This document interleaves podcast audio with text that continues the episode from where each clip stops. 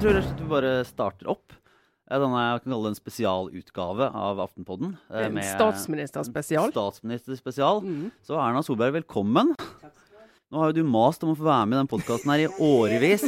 Ja, ikke sant? Nå er det, endelig får du en sjanse. Endelig hadde vi en luke. Ja, Ja. Så da fikk, fikk passa det inn i den veldig travle timeplanen til eh, Trine Eilertsen, som er her som vanlig. Hei. Og Sara Sørheim, kulturredaktør. Hallo. Hallo. Jeg er Lars Glomnes. Vi, eh, det var fint at du tok deg tida, da. eh, tross alt. Eh, I en ganske travel, eh, travel hverdag. Hvordan, hvordan tenker du om valgkampen nå? Hvordan er det å være statsminister og reise rundt? Altså, det er veldig hyggelig å være statsminister og reise rundt. Vi opplever jo egentlig at det er sånn tommelen opp og stå på veldig mye rundt omkring i landet. Så er det jo Så sånn sett så forteller jo Høyres valgkampkorps liksom at det går veldig bra. Så, så ser vi jo på meningsmålingene at litt avhengig av hvilket institutt det er, så går det relativt bra. Et institutt som måler oss langt nede, og med mange lokale målinger. Men det, det blir jo litt eh, fighten inn mot valget. Da ser vi hvem var det som egentlig hadde rett på nivået, om det var Aftenposten eller VG. Hvor Men, mye eh, stoler du på magefølelsen din, og hvor mye stoler du på målinger da? Har du funnet etter da, Nei, nei, liksom- altså jeg, jeg, jeg stoler nok på at, eh, at vi gjør det bedre enn det som står på eh, disse Infact-målingene. Det tror jeg er ganske tydelig. og sånn. Hvor godt vi gjør det, er jo alltid vanskelig å vite. Men uh, det er veldig godt sig ut, og det jobbes mye, det bankes masse dører og alt dette som Alle de dryppene. Og så vet jo jeg at det er veldig mange som bestemmer seg altså før valget, har bestemt seg for lenge siden, kommer til å stemme det de har gjort før. Så mobiliserer du akkurat i begynnelsen av valgkampen litt folk som har ramlet ned eh, på en eller annen side i løpet av sommeren. Og så er det jo de som eh, venter til siste innspurt. Og det betyr at de siste 14 dagene kommer til å bety mye. Er du sånn som liksom, sånn, liker valgkamp, Ja. eller gjør du det litt motvillig? Nei, jeg liker det veldig godt. Jeg syns det er veldig hyggelig å være ute og snakke med folk. Jeg syns det er hyggelig å, å få tilbakemeldinger. Og så syns jeg faktisk også at disse debattene og sånn Få lov å snakke sammenhengende om politikken. For veldig ofte når du i løpet av et år så er det én sak du skal snakke om. Akkurat det tiltaket. Kommunereformen midt i endringene. sant, og sånn. Jeg kan si at når vi kommer nærmere, så kommer vi til å se resultater. Det har vi sett resultater av. Men det er klart, innimellom der så, så står du midt i prosess. Nå er vi sånn at vi kan lande mange ting, vise resultater. Da er det kjekt å være ute. Men En ting som vi har snakket om her uh, i, i podkasten tidligere, er jo altså valgkampen er sånn virkelig startskuddet for politikere i veldig merkelige settinger. Og en av de som, uh, som liksom sparket i gang valgkampen denne runden her, var jo var din lille turné. Det var en ganske stor turné, egentlig. Reiste rundt i landet. Uh, blant annet hilste på en sjøløve. Fikk et kyss av en sjøløve, og neste dagen så var du ute og, og satt med noen sånne lemurer.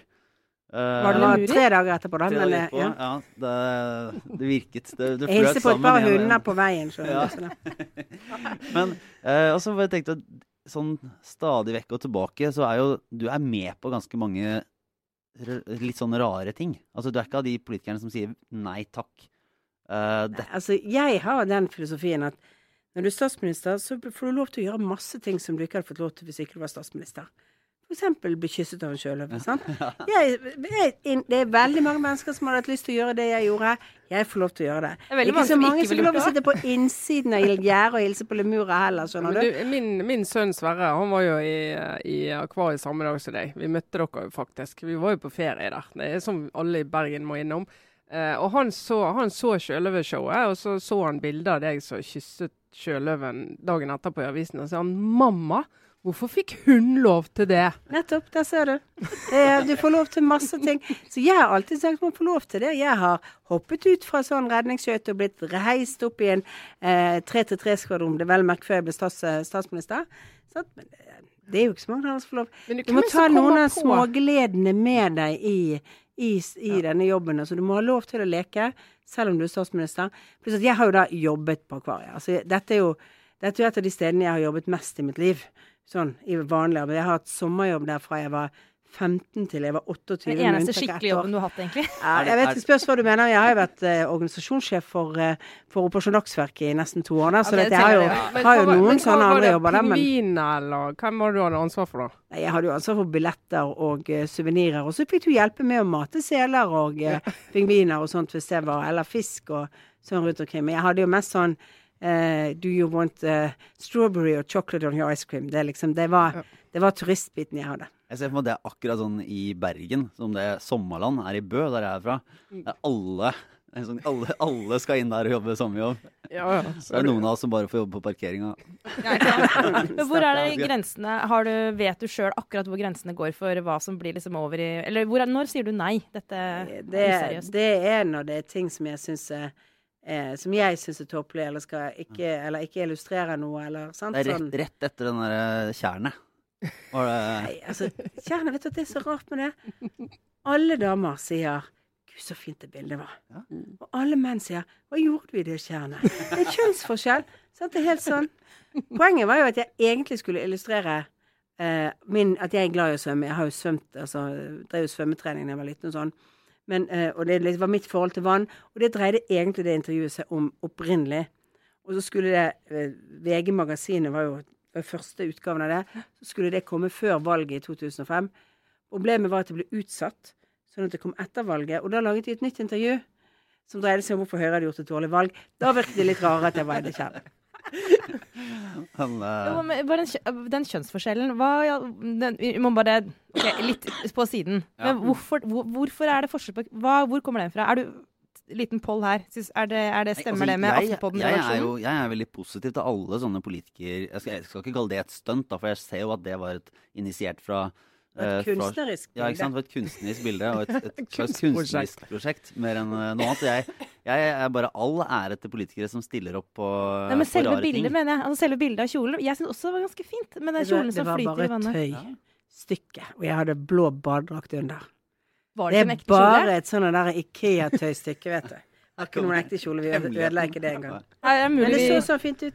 Det som var ikke helt funket, var at de fikk liksom ikke røykmaskinen til å gå helt. da. Ja, veg også. Iscenesettelse. Ja. Ja, men, men, men, så det er noe du, du liker på en måte å levere Altså, litt på det her, da? Jeg har litt lave skuldre for det. Jeg syns at det er gøy å gjøre ting. Og så må jeg føle meg komfortabel med det. sant? Altså Bilder som, som, som jeg ikke ville sett etterpå eller likt å se, vil jeg jo selvfølgelig ikke være med på. Og stunt og annet som illustrerer ting som ikke jeg syns er noe lurt å gjøre. det. Men altså, dyr, det gjør jeg hele tiden. Mm. Jeg er kjempeglad i dyr.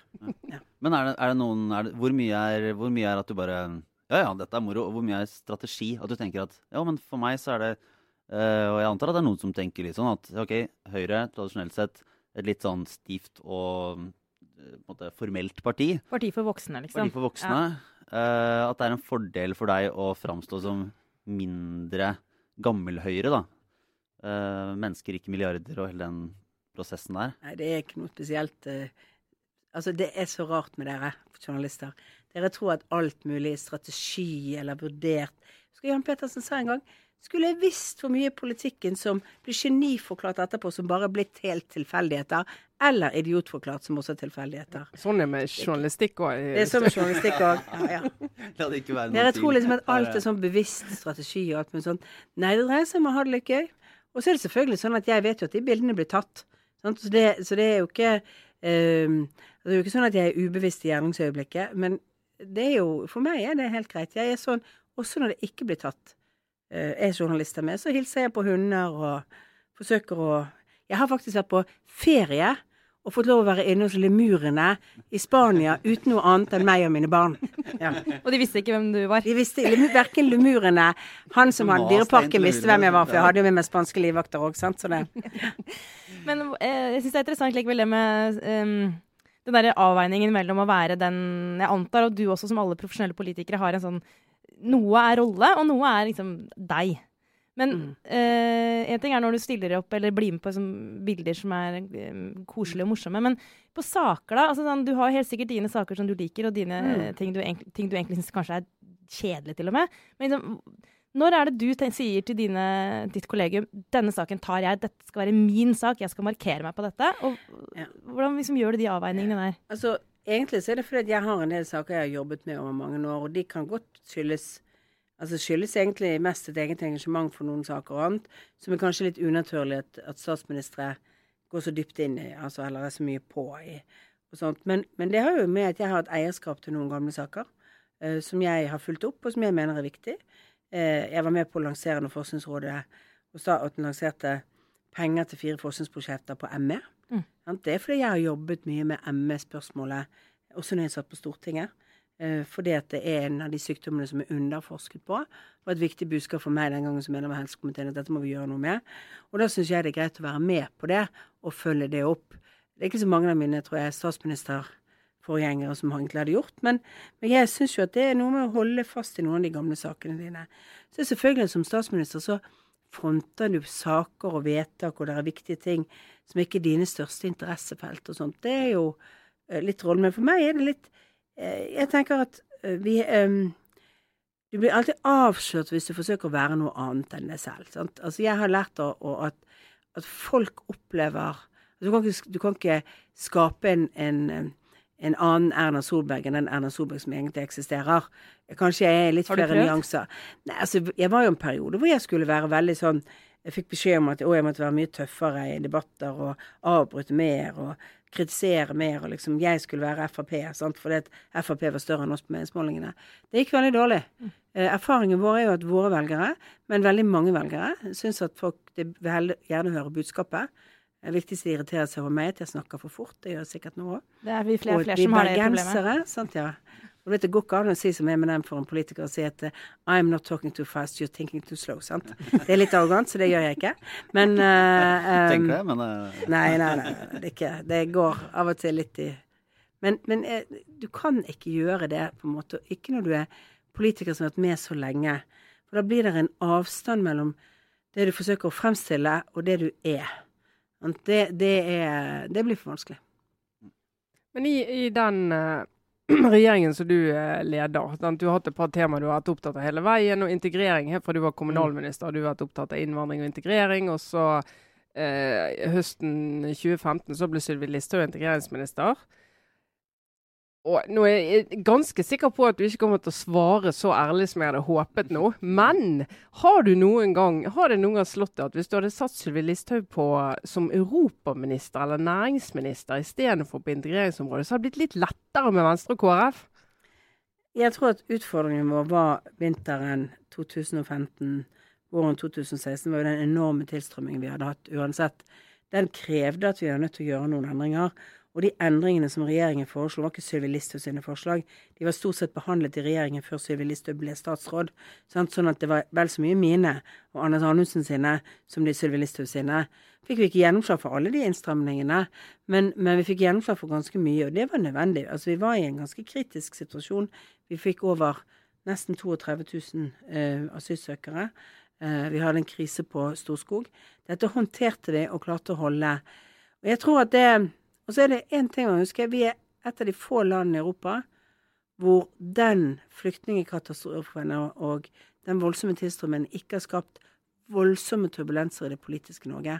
Det skyldes kanskje fordi de også har tørt å ha, altså har statsråder som tør å ha en spisset retorikk og en tydelig budskap, også om det som er utfordringene når det kommer mange. Noen vil jo si at det som har vært av turbulenser, har vært ganske selskapt av statsråden på feltet? Jeg tror hvis du tar en kikk rundt Europa, så vil du se at uh, turbulensen er skapt av den store tilstrømningen. Hvis vi ikke hadde håndtert det så tydelig som vi gjorde, de har vært ganske skjellsettende. Hvis du snakker med fotfolket fotfolk i Venstre og KrF og lokale tillitsvalgte, så nevner de hele tiden at det er veldig vanskelig for oss å stå på stand og forsvare akkurat Det er akkurat Sylvi Listhaug er ganske viktig, og den retorikken. Og så kan du si at du har for mye politisk gjennomslag, men retorikken er viktig. Og så kunne sikkert noen ønske at retorikk skal ikke bry oss med, men velgerne deres gjør jo det. Jo da, men uh, før Sylvi Listhaug så var det Anders Anundsen de klaget på. sant? Sånn at det, det er litt uh, er, Det er et spenningsfelt mellom de samarbeidspartiene, og det, kommer da, det er det jo uh, med, på innvandrings- og integreringsfeltet. På politikk og på politiske saker. Det vi gjorde Ny, i Nydalen, var jo faktisk å finne balansepunktet på det tidspunktet mellom disse spørsmålene. Og det var jo å være mer liberale på asylbarna. Det er i underkant av 400 barn som skulle sendes ut, som har fått opphold pga. at KrF og Venstre fikk være med på å påvirke og lage et kompromiss. Så ble vi enige om at vi skulle bruke lukkede mottak litt mer, men innenfor samme rammen av lovhjemler for hvem som kunne settes i et lukket mottak, som det, vi, som, det som lå i loven allerede. Jeg, ja, nå er jeg litt sånn Dette er jo på en måte Vi dras jo mot det da, i, i, det yrket vi har, der hvor vi merker at det er friksjon. Mm. Eh, men også tenker jeg eh, for din del, ikke når det kommer til personkonflikter, men på en måte hvordan du blir stående og din regjering blir stående. jeg tenkte lenge at du kom til å være en litt sånn eh, Reinfeldt-skikkelse i norsk politikk. At eh, før den blå-blå regjeringen at, at, det å gjøre Høyre, altså dra Høyre mot sentrum og lage et slags sånn altså Høyre som det nye sosialdemokratiske partiet, nærmest. Mm. Det var jo en liten, ikke så veldig vellykka for så vidt, uh, vind som blåste over Sverige der med, med alliansen i sin tid. Men det blir jo ikke sånn. Det var jo veldig vellykket. De satt i åtte år, og de snudde økonomien. og ja, men jeg bare, akkurat nå, akkurat nå ligger Moderaterne med brukket rygg. Akkurat nå er det et problem, men da sitter de ikke i regjering. Nei, men altså kan vi spekulere i årsaken, da. Men poenget mitt nå er egentlig bare at det blir jo, i hvert fall så langt, så har du ikke gjort det i det hele tatt. Du har tvert imot leda den mest, altså den blåeste regjeringen som vi hittil har hatt i Norge. Du, hadde du sett for deg at det skulle skje? Jeg mener ikke at vi leder den blåeste regjeringen. Som, altså vi, partiene som sitter i den. Det gjør vi jo. Men politikken som kommer ut av denne regjeringen, baserer seg på fire partier. KrF og Venstre har stor innflytelse på den politikken som føres. Men det ble ikke noe sånn sentrums... Det ble ikke noe ny Reinfeldt, da? Det ble ikke noe ny Nei, sånn... men altså, vi har ikke fått de fire partiene inn i regjering sammen.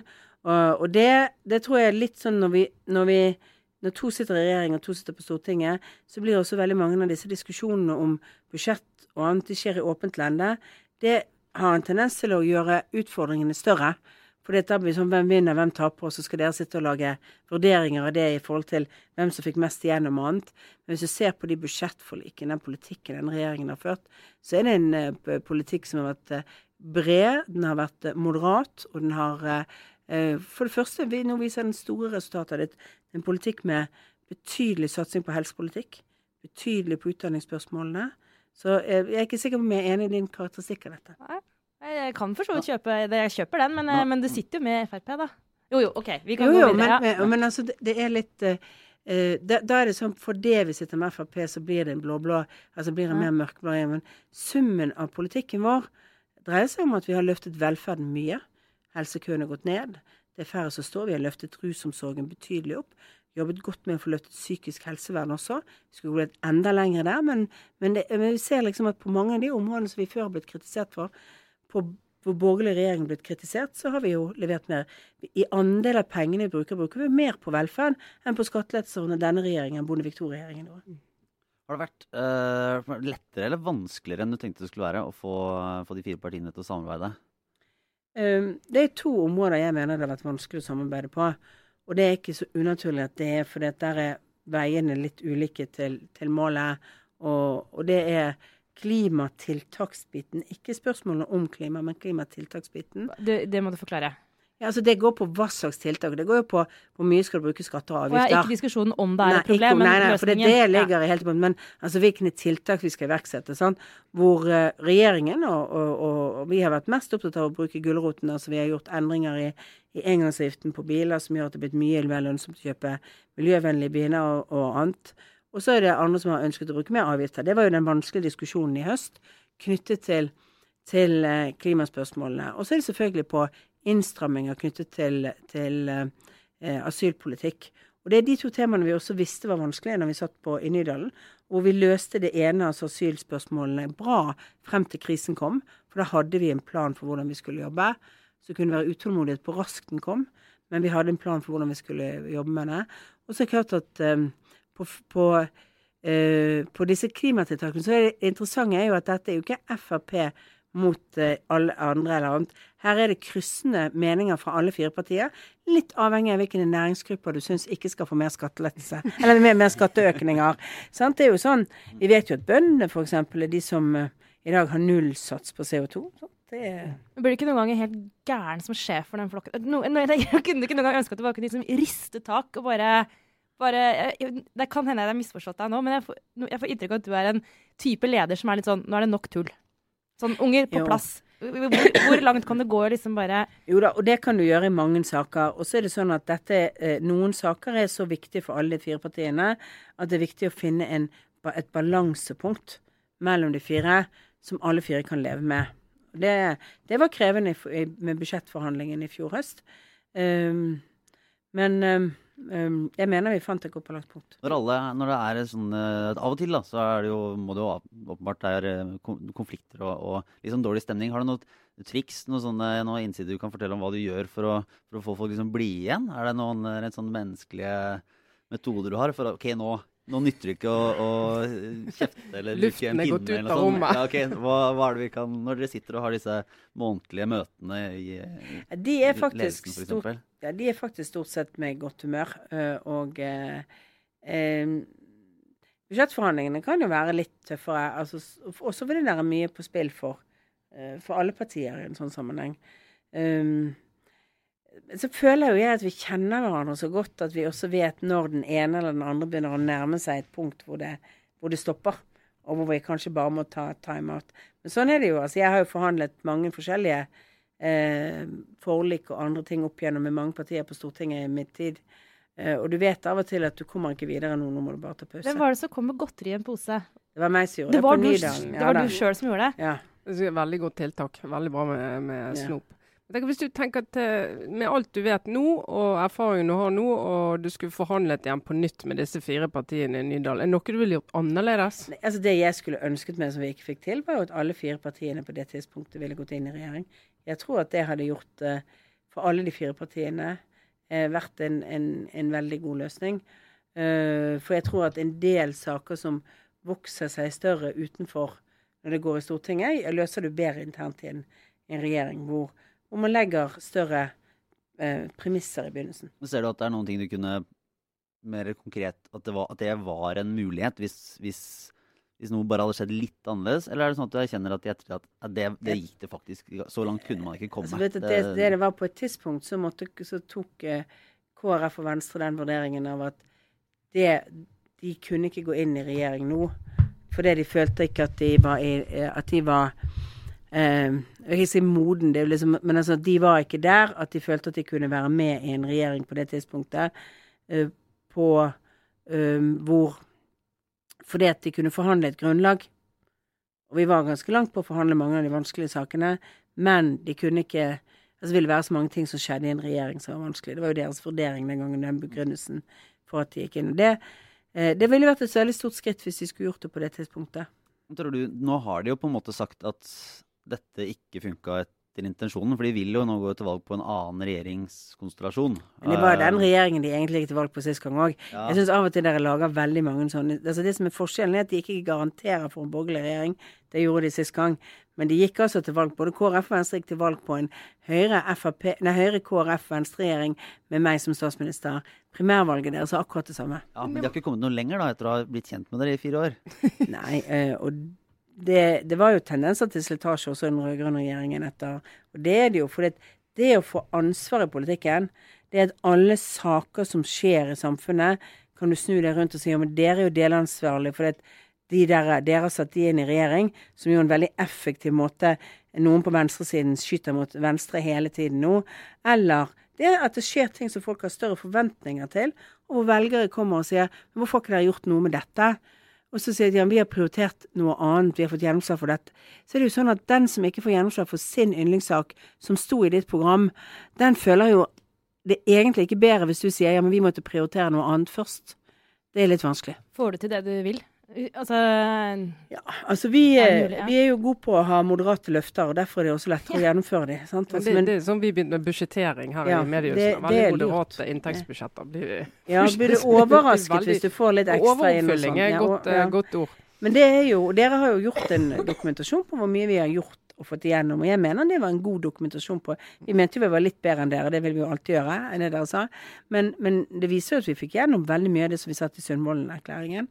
Og de hovedsakene som vi gikk til valg på, de har vi eh, stort sett klart å gjennomføre.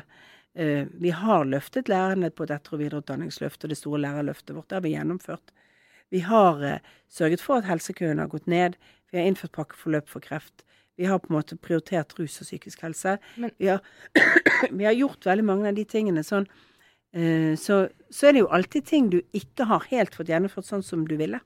Hvis, du, hvis, altså hvis det nå blir, skulle bli eh, borgerlig flertall igjen, Venstre over sperregrensen, her er vi fire, og så har eh, Venstre og KrF sagt at vi eh, skal ikke støtte en regjering, eller hvordan de nå sier det, vi skal ikke være i en regjering med Frp, eller hvordan de sier det. Altså Hva vil praktisk skje da? Vil du da si nå skal vi dra ut i Nydalen og snakke igjen? Vi må iallfall snakke sammen. For det, for det forventer, er at alle, alle velgere også forventer at partier snakker sammen for å ta ansvar for at, parti, eh, for at landet har en regjering, at, eh, at, de får mest mulig gjennomslag. Og så må man jo snakke om det er en samarbeidsavtale, om det er deltakelse i regjering, eller om det er enighet om noen hovedlinjer. Men har ikke de allerede sagt ganske mye om hva de ikke vil? De vil ikke ha ny samarbeidsavtale, vil ikke sitte i regjering. Har de sagt at de vil ta det møtet? Nei, men det, altså det tror jeg vi skal få fint til. du regner med det? Ja. Vi er, på godt, uh, vi er på god talefot på Uansett så må jo du må jo snakke for rett og slett å avklare hva skjer uh, i Stortinget. Så jeg, uh, jeg, tenker at når velgerne har sagt sitt, så, og du har et borgerlig flertall, så er det et grunnlag for å finne ut en god borgerlig regjering. Og da er men håpet om å få fire partier i den regjeringa, det er dødt? Det kommer aldri jeg til å si at det er dødt, for jeg vet jo utmerket godt at ting forandrer seg i norsk politikk. Det vil alltid være mitt mål. Og det var veldig mange i 1981 som sa KrF kommer aldri til å gå inn i regjering. Det tok to år, så gikk de inn sammen med Senterpartiet i, i Willoch-regjeringen. Så det er aldri, eller at ting er dødt, det tror jeg jeg absolutt ikke vil si. For det, eh, det ser ikke så enkelt ut. Men uh, man skal ikke bare lete etter enkle ting. Kan jeg spørre deg om noe helt annet? Det er ikke meningen å snoke i hvordan du har det som personlig, men vi her i Aftenposten har en veldig sånn, vi er veldig åpne om når vi er forkjøla. Mm. jeg og Trine har snakket veldig mye om vår skrantende helse. Men, eh, men eh, jeg bare hørte at du hostet. Men jeg tenkte på, hvis, jeg, hvis, vi var ferdig med de konstellasjonstingene nå, Lars for, for aldri, bare ta, ja, men Jeg blir litt trøtt noen ganger av de ja. samarbeidsgreiene. Nå, det, nå, tenkte jeg på noe helt annet. Ja. ja. for jeg tenkte på Hillary Clinton, og nå må du ikke misforstå, for jeg bare kom på at hun hadde den Hun hadde et eller annet sånn, ikke anfall, men hun fikk et slags ildbefinnende, eller ble liksom dårlig på et sånt uh, opplegg før valget. Og så ble det vanvittig mye oppmerksomhet rundt det, og kritikk. Og det ble liksom sånn en kvinnelig leder eller en kandidat til president i USA kan ikke vise den formen for sånn Kan ikke vise svakhet på noe som helst måte. Eh, liksom, kun, kan du overhodet liksom assosiere deg med den derre Altså, kunne du Kunne du som kvinnelig statsminister sagt liksom 'jeg er sliten'? Altså, skjønner du hva jeg mener? Altså, den der ja. rollen som uh, commander in chief som du har, kan du vise ja, noe Det er jo ikke samme system i Norge som det er i, i USA. Og ja da, og uh, vi har hatt statsministre som har vært sykemeldt, ikke bare Bondevik, men vi har hatt uh, folk med influensa. Jeg har jo ikke hatt en sykedag på, på jeg tror siden jeg fikk barn omtrent. men det betyr ikke at jeg ikke går rundt og hoster sånn som jeg gjør nå. Jeg får bare veldig lite feber.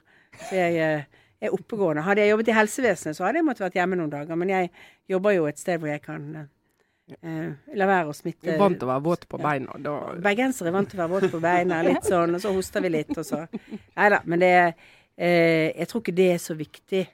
Um, jeg tror du griner på TV da? Nei, liksom? altså Grine på TV jeg, um, Altså, jeg Det er jo mange TV-bilder av at jeg har tårer i øynene rett og slett fordi jeg er rørt. Eh, det tror jeg bare folk syns er greit. Jeg er veldig lett for det der. Veldig, jeg, jeg, jeg, griner sjelden, men jeg siper ofte. Jeg sier, så det er sånn der, eh, noe som blir rørt av eller gledelig. Og litt maskara på feil sted. Men, men, men, litt av det som lå under der, er om det er en kjønnsforskjell på det nå? Ja, det var selvfølgelig det som lå under. Ja. Altså sånn, eh, er, det, er, det, noe Er det på en måte et, et annen, en annen forventning til, til en eller annen sånn uh, utvisning av styrke, mm. også, også på det sånn være syk eller være rørt eller å Nei, altså jeg tenker at det er noen forskjeller mellom kvinner og menn i norsk politikk, og forventninger og annet.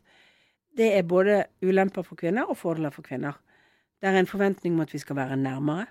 Det oppfattes mye mer naturlig at vi snakker om våre menn og våre barn og alt sånt rundt det.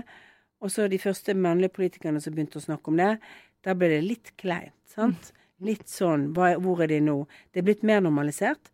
Mens jeg har jo opplevd i hele mitt liv at, at journalister, også kvinnelige, stiller spørsmål til meg som de aldri ville spurt til en mannlig politiker. Mm. Eller portretterer. Jeg husker andre gangen jeg stilte til valg. Eh, Bergens Tidende hadde sånn portrettintervju av alle, alle kandidatene eh, fra, og sånt. Da var hovedgreien deres om meg at jeg egentlig hadde lyst til å være Hvis jeg ikke skulle være politiker, så var jeg kokk. Og så var det bare sånn der Det var ikke en politisk sak omtrent i det hele tatt. Og SV sin nummer to-kandidat, som var ungdoms, hennes viktigste sak med henne, det var at hun hadde vært uh, sunget i kor med, med Sissel Kyrkjebø på, på sant, pikekoret. En gammel avis jeg nå henger ut, men det er sånn. ja, Og. Begge de var, skrevet, begge de var skrevet av kvinnelige journalister som sikkert syntes det var fint å skrive sånne feature-innlegg og, og alt mulig sånt. Og så kom det noen menn hvor de snakket om hva de hadde fått igjen på Stortinget. Og et par av de mennene må jeg bare si at eh, de hadde ikke fått til noe særlig på Stortinget, eh, og jeg hadde gjort mye mer. Altså sånn, og jeg husker at det irriterte meg veldig. Men dette er altså 25 år siden. Ja, har, da har det endra seg mye? Ja, det har endret seg mye, men det er fortsatt sånn at kvinner får lov til en del ting som blir litt rarere hvis menn gjør. Men så er det nok også sånn at menn får noen tilleggsgreier. Eh, Iallfall særlig yngre jenter. Jeg tror når du på min alder har vært med så lenge, så blir det jo sånn som en av mine sier, at jeg er blitt mann for lenge siden. sier hun. Det er sant, det er sånn. Men altså folk tenker ikke så mye over kjønn, tror jeg, med meg. Eller når du blir voksnere og vært med lenge. sant? For da ser du folk. Men jeg tror yngre kvinnepolitikere opplever dette mer. Er det noe man kan gjøre med det, eller tror du det er litt sånn Bare leve med her kommer jeg, Dette er jo sånn- klassisk sånn eh, eh, Nå svarte jeg, da. Jeg antar du kanskje stilte spørsmålet til eh, Erna Solberg. Jeg stiller like gjerne spørsmål til deg, Sara, som, som til statsministeren. Nei, men dette er jo den klassiske sånn, forskjellen på I min verden er jeg flaska Mm. opp med liksom, ven, eh, sånn venstrefeminisme. Forskjellen på liksom, venstrefeminister og høyrefeminister, da. Må se om dere to på andre siden av bordet her er enige. Setter dere i samme kategori der.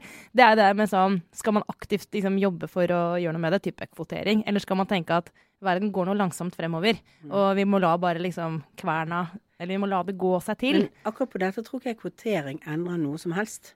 Uh, det tror jeg ikke. Uh, Men tenk meg på sånn å gjøre ting, sånn konkrete tiltak, da. For å liksom Ja. dytte i riktig retning. Men de konkrete tiltakene endrer ikke folk som bilde i hodet og sånt. Det gjør det bare over at du gradvis får de forandringene rundt omkring. Det gjør at vi som eh, Altså at man respekterer etter forskjellige måter å være politiker. Jeg tror jo egentlig at det er ikke så stor Jeg tror ikke menn får en stor forskjell i norsk altså sånn fordel i norsk politikk. For det, det som er mitt poeng, er at kvinner kan vise et større register, og det oppleves som naturlig. Og den store fordelen med det er at det oppleves som nær, naturlig og nærere. Og i Norge så er nærhet til politikken viktig. For menn så det, kan det fort oppfattes som litt kleinere hvis det blir veldig nært. Sant? Og dermed så har de en, eh, en litt større utfordring som politiker ved å være det. I USA så er den nærheten kanskje ikke det du først og fremst tenker på, men i Norge er den ganske viktig. Altså, de er lik oss. Hun har de samme hverdagsproblemene, sant. Eh, det er henta ja, Tidsklemmen har tatt de òg, sant. Det er, ja. Men når du snakker til unge jenter og unge kvinner i Høyre, du, hva råd gir du dem? Hvis du ser at det er noen som har lyst til å satse på politikk, så tenker du nå har jeg lyst til å gi deg et par råd. Jeg gir rådet både til jenter og gutter sier at du må kunne sakene dine. Jeg kjenner mange unge, flinke talenter som har vært kjapp i kjeften, som jeg sier. Altså, vært flinke til å svare for seg, alt sånn, men vært helt i det overfladiske. Og vet at over tid så får du ikke posisjoner og makt gjennom å ikke kunne sakene. Sånn er norsk politikk litt sånn traurig. Altså de store demagogene. Du må, du må liksom seile inn på toppen hvis du skal være det. Men skal du bygge deg opp i et parti, så må du vise at du, du kan komme med løsninger, du kan komme med saker, du kan tingene. Og det å lære seg tingene gjør jo også at du stiller med større autoritet overfor andre. Um, det, det, det er en vits i vår gruppe at jeg sier at alle stortingsrepresentanter må skrive merknadene sine selv. For det måtte jeg gjøre når jeg kom på Stortinget. Had, da hadde vi ikke Når noen spør meg om hvorfor jeg husker ting, og sånn, så er det fordi jeg måtte skrive alt fordi vi hadde så få rådgivere den gangen. Men um, det tror jeg er det viktigste. Og så er det litt å ikke bry seg om alt andre sier. Altså, skal du være politiker, så må du tåle um, må tåle at folk ikke liker deg. Du må tåle at folk i perioder kritiserer deg. Du må tåle Altså, jeg er blitt spyttet på på gaten. Altså sånn Altså faktisk? sånn, faktisk. Jeg er blitt faktisk spyttet på gaten. Berg, bergensere er jo litt mer uttrykt, sant. Hun var vel å merke, tror jeg, litt sånn psykisk ustabil, hun som gjorde det, sant. Men hun var rasende for et eller annet jeg gjorde da jeg var kommunalminister, sant. Og sånn, sant. Eller et eller annet jeg hadde sagt i en appell og sånn. Og du må bare ja, ta det med. sant? Altså, du må tåle Jeg har stått foran appell, og alle har buet i salen. sånn. sant? Altså, det var vel merke studentpolitikken, og da, da er det litt gøyere, vet du. Da, men, men du må på en måte tåle det der. Hvis du skal bli likt av alle, så er ikke politikken stedet for deg. Men Og så må du ville noe. Eh, min største utfordring ofte ser jeg at det er folk som kommer med som syns det er gøy å drive politikk, men så vil de ikke noe. sant? Eh, og De brenner ikke egentlig. Nei, de brenner ikke. Og det, da er det vanskelig å holde gnisten oppe. For hvis ikke du brenner for noe, så tåler du ikke nedgangsperioden. Men har du, nå, nå ser jeg rådgiveren din, Sigbjørn Aanes, driver og går fram og tilbake. Han, han alltid. Ja, han. Han er, vi, vi har et par minutter til. Han eh, dunker hodet mot glassburet vårt i Aftenpodden-studio her nå. Men eh, eh, bare fikk lyst til å spørre deg likevel. Du får prøve å svare kort, men, og sikkert noen andre som vil skyte inn noe. Men du sa det med å brenne for noe. Men jeg oppfatter deg som så lite sånn ideologisk anlagt som politiker. Jeg tenker liksom at du er en uh, pragmatisk uh, politiker som er uh, opptatt av Hva å finne mener du er ideologi? Ja, men, Dette er en av de tingene som Det er noen som sier visjonær, og så sier de ideologisk. Så tenker jeg, hva er det da de mener? Altså for, det, for meg er det sånn Det høres ut som folk mener visjonær til å snakke store ord. Altså jeg kan godt snakke om havet. Det har jeg så mange. Havrommet. Jeg kan snakke om Altså jeg kan snakke om Det norske hus. norsk, nei, men altså snakke om de store utviklingsbitene. Hvor, hvor, hvor vi skal være i 2060. Alle disse store tingene. Men jeg tenker at jeg må jo vise veien dit. At overordnet Jeg er ideologisk opptatt. Jeg er opptatt av at privat er viktig i vårt samfunn. At balansen mellom offentlig og privat er viktig. At folks, Veldig mye av min sosialpolitiske engasjement dreier seg om at vi må skjønne at mennesker er viktigere enn systemene, og at menneskets ressurser i seg selv er med på om du skal ha god behandling, om du skal sørge for at eh, du får en god skole. altså Selvopplevelsen. Det er et ideologisk standpunkt. Det er troen på enkeltmennesket. Men hvis du hele tiden mener at det å ha ideologisk standpunkt er å alltid putte på partiflosklene eller de ideologiske innpakningen, og ikke snakke om retningen, så er, så er det kanskje ikke så er jeg kanskje ikke ideologisk, men jeg er veldig klar på hvilken retning man skal ha. Fordi jeg vet hvordan samfunnet vårt bygger best på å bruke alle de gode ressursene. Jeg tenkte egentlig bare Nå, nå er det veldig betimelig at eh, du ikke hadde så mye tid igjen, da. For det jeg lurte på uh, Nei, det var bare er du, er du da egentlig motivert for å sitte fire år i opposisjon på Stortinget hvis det ikke blir valgseier?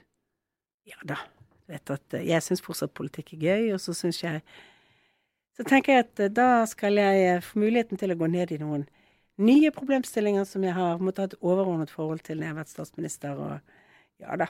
Men er det, men er det realistisk at du da vil måte være statsministerkandidat også om fire år? Hvis, hvis, det ingen, hvis du ikke fortsetter nå? Det burde jeg den valgkampen med å svare. Jeg har ingen planer om å slutte. Sånn, og så er det alltid partiet som bestemmer hvem som skal være partileder. Men jeg har mye å gi, og jeg har mange eh, gode ideer. Og så skal vi alltid se hvem som har krefter når det nærmer seg 2021 for å ville stå på videre. Men jeg har jo tenkt å stå så mye på de neste 14 dagene at dette ikke blir så realistisk diskusjon. Hvem er det som tar over i Høyre etter deg, ja? Det at vi er et godt parti for god konkurranse, så det må de konkurrere om. Men det er jo lenge til, da. Så vi har mange talenter. Jeg pleier å si at de er jo ikke født ennå, de. Ja, bra svar. Ja, ja, ja. Ikke født ennå. Nei, men eh, da, eh, Erna Solberg, tusen takk for at du, du kom til oss i den lille Aftenpodden. Ja. Så får du ha lykke til med innspurten, som eh, alle andre politikere skal ha når dere står på for å, for å få oppslutning. Så blir det spennende å se. Ja. Og nå trenger ikke vi ta selfie, for nå har vi fått bilder av ja, Vi har vi, vi nå er bilder. faktisk fotograf til stede. Men Ja. før vi slutter helt av, skal vi bare si at i morgen, som altså er tirsdag, Tirsdag. så er vi i Tromsø. Tromsø, så det, og lager en podkast i Tromsø med politisk redaktør i Nordlys, uh, Skjalg Fjellheim. Han kommer innom en tur, ja. Ja. Rett og slett rett i forkant av uh, statsministerduellen. Så han skal møte dere som uh, Vi, uh, er med i reservattenkningen for Nord-Norge. Ja, de, Jeg har lest det. Han har tydelige meldinger. Ja. Oslo-mafiaene. Og etterpå skal vi se på debatten mellom deg og, og Støre, og vi skal sikkert kåre en vinner òg. og, vi, og vi skal komme vinner av ektefellene. For det vet vi òg blir et tema i morgen. Mm. Ja. Men det er veldig enkelt. Altså, min mann er alltid best. Det er, Og så oppfordrer alle til å følge Trine Eilertsens nyhetsbrev. Som for det, Ja, ble, Det må komme, komme etter i dag. Da avslutter vi denne runden. Så takk for oss. Er tilbake i morgen allerede. Ha det bra.